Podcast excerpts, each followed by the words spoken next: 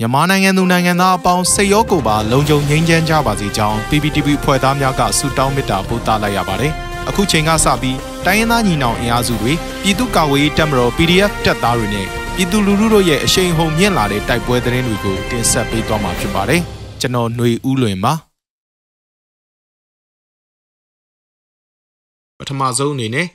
လိုက်ကောအကျဉ်းတောင်နေရှိခရိုင်ရဲရုံးကိုကင်းဒီ၃ဘွဲ့ဝင်ရောက်ပစ်ခတ်လို့စစ်ကောင်စီတပ်သား2ဦးသေဆုံးပြီး ဒဏ်ရာရသူများတဲ့သတင်းကိုတင်ဆက်မှာပါ။ကရင်ပြည်နယ်လွိုင်ကော်မြို့ဒေါအုပ်ခူရာရက်ကွက်အကျဉ်းတောင်နေရှိခရိုင်ရဲရုံးကိုဒီဇင်ဘာလ29ရက်နေ့ယနေ့မနက်3နာရီမှစတင်ပြီး JPDF Ranger KND Democratic တပ်ဦး KDF Jesus 21ညီနောင်သုံးဘွဲ့ကဝင်ရောက်ပစ်ခတ်တိုက်ခတ်ခဲ့ပြီးအကြမ်းဖက်စစ်သား2ဦးသေဆုံးကအများအပြားဒဏ်ရာရကြောင်း JPDF ကသတင်းထုတ်ပြန်ပါတယ်။ညီနောင်မဟာမိတ်သုံးဘွဲ့ကဝင်တိုက်တာဖြစ်ပြီးအပြန်အလှန်10မိနစ်လောက်တိုက်ပွဲဖြစ်ပြီးအထိကိမရှိဘဲဆုတ်ခွာနိုင်ကြောင်းနဲ့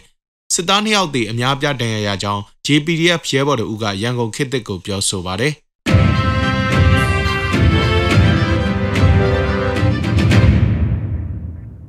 ဆလဘီကလေးကန်ကောလမ်းပိုင်းမှာ၃ရက်အတွင်း PDF ကန်ကောအဖွဲ့ကမိုင်းဆွဲတိုက်ခိုက်လို့စစ်ကောင်စီတပ်ဖွဲ့ဝင်20ဦးသေဆုံးတဲ့တဲ့ရင်ကိုတင်ဆက်မှာပါ။ကလေးမျိုးနဲ့ကံကောမျိုးဆက်သွယ်ထားတဲ့လမ်းပိုင်းမှာအကြမ်းဖက်စစ်ကောင်စီတပ်ဖွဲ့ဝင်များကိုဒီဇင်ဘာလ26ရက်နေ့မှ28ရက်နေ့အထိ၃ရက်အတွင်း ပြည်သူ့ကာကွယ်ရေးတပ်ဖွဲ့ကံကောကမိုင်းဆွဲတိုက်ခိုက်ခဲ့ရာစစ်ကောင်စီတပ်ဖွဲ့ဝင်20ဦးသေဆုံးသွားကြောင်း PDF ကံကောကသတင်းထုတ်ပြန်ပါတယ်။ဒီဇင်ဘာလ26ရက်နေ့ကလေးဘက်ကိုစစ်ကြောင်းထိုးလာတဲ့စစ်ကောင်စီရန်တန်းကို PDF ကံကောတပ်ဖွဲ့ဆက်ခွန်ကျဲပြူအဖွဲ့ကမိုင်းဆွဲတိုက်ခိုက်ခဲ့ရာစစ်သား9ဦးသေဆုံးကြောင်းဒီဇင်ဘာလ29ရက်နေ့မှာ PDF ကံကောတပ်ရင်း1ပျောက်ကြားတပ်ဖွဲ့ကမိုင်းဆွဲတိုက်ခိုက်ခဲ့ရာ9ဦးသေဆုံးသွားကြောင်းထုတ်ပြန်ချက်မှာဖော်ပြထားပါတယ်။ဒီဇင်ဘာလ28ရက်နေ့မှာလည်းအဆိုပါစစ်ရင်တန်းကို PDF ကံကောတပ်ဖွဲ့21 ဘိုးရွှေကြားအဖွဲ့ကမိုင်းဆွဲတိုက်ခိုက်ရာစစ်သား6ဦးသေဆုံးကြောင်းနေ့လယ်ပိုင်းမှာစိုင်ကယ်များနဲ့တောင်ခရဲရဲစခန်းမှထွက်ခွာလာတဲ့စစ်ကောင်စီတပ်ဖွဲ့ကိုမိုင်းဆွဲတိုက်ခိုက်ရာရဲနှဦးသေဆုံးသွားကြောင်းသိရှိရပါတယ်။အဆိုပါကလေးကံကောလမ်းပိုင်းမှာစစ်ကောင်စီတပ်ဖွဲ့နဲ့ဒေသကာကွယ်ရေးတပ်ဖွဲ့များကြား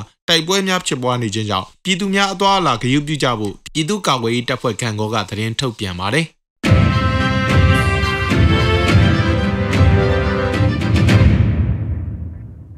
နောက်ဆုံးအနေနဲ့အမျိုးသားညီညွတ်ရေးအစိုးရပြည်ထောင်စုနဲ့လူဝင်မှုကြီးကြပ်ရေးဝန်ကြီးဌာနကဒီဇင်ဘာ29ရက်ရက်စွဲနဲ့ထုတ်ပြန်တဲ့ပြည်သူ့ခုခံတော်လှန်စစ်တရင်အချက်လက်တွေကိုတင်ဆက်ပေးသွားမှာပါ။အာဏာသိမ်းအကြမ်းဖက်စစ်အုပ်စုရဲ့ပြည်သူလူထုအပေါ်အကြမ်းဖက်ဖိနှိပ်ဖန်ဆီးတိုက်ခိုက်တပ်ဖြတ်နေမှုများကိုပြည်သူလူထုတရက်လုံးကအသက်ရှင်တန်ရေးအတွက်မိမိကိုယ်ကိုမိမိခုခံကာကွယ်ပိုင်ခွင့်အရာပြည်သူခုခံစစ် People's Defenses War ကိုဆင်နွှဲလျက်ရှိပါတယ်။တရင်အချက်လက်များအရ28ရက်12လ2021ရက်နေ့မှာစစ်ကောင်စီတပ်ဖွဲ့ဝင်53ဦးသေဆုံးပြီး ထိခိုက်ဒဏ်ရာရရှိသူ9ဦးအထိခုခံတိုက်ခိုက်နိုင်ခဲ့ပါတယ်။စစ်အာဏာရှင်စနစ်မြန်မာပြည်ပေါ်ကအပိတိုင်ချုပ်ငြိရေးနဲ့ Federal Democracy တိဆောက်ရေးအတွက်ငြိမ်းချမ်းစွာဆန္ဒပြတဲ့လူလူတပိတ်တိုက်ပွဲများကပြည်내နဲ့တိုင်းဒေသကြီးများမှာဖြစ်ပွားပေါ်ပေါက်လျက်ရှိပါတယ်။ပြည်ပြင်မှာယခုတွေ့ရတဲ့သတင်းအချက်အလက်များထက်ပို၍ဖြစ်ပွားနိုင်ပါတယ်ခင်ဗျာ။ရေတော်ဘုံအောင်ရမည်ရေတော်ဘုံအောင်ရမည်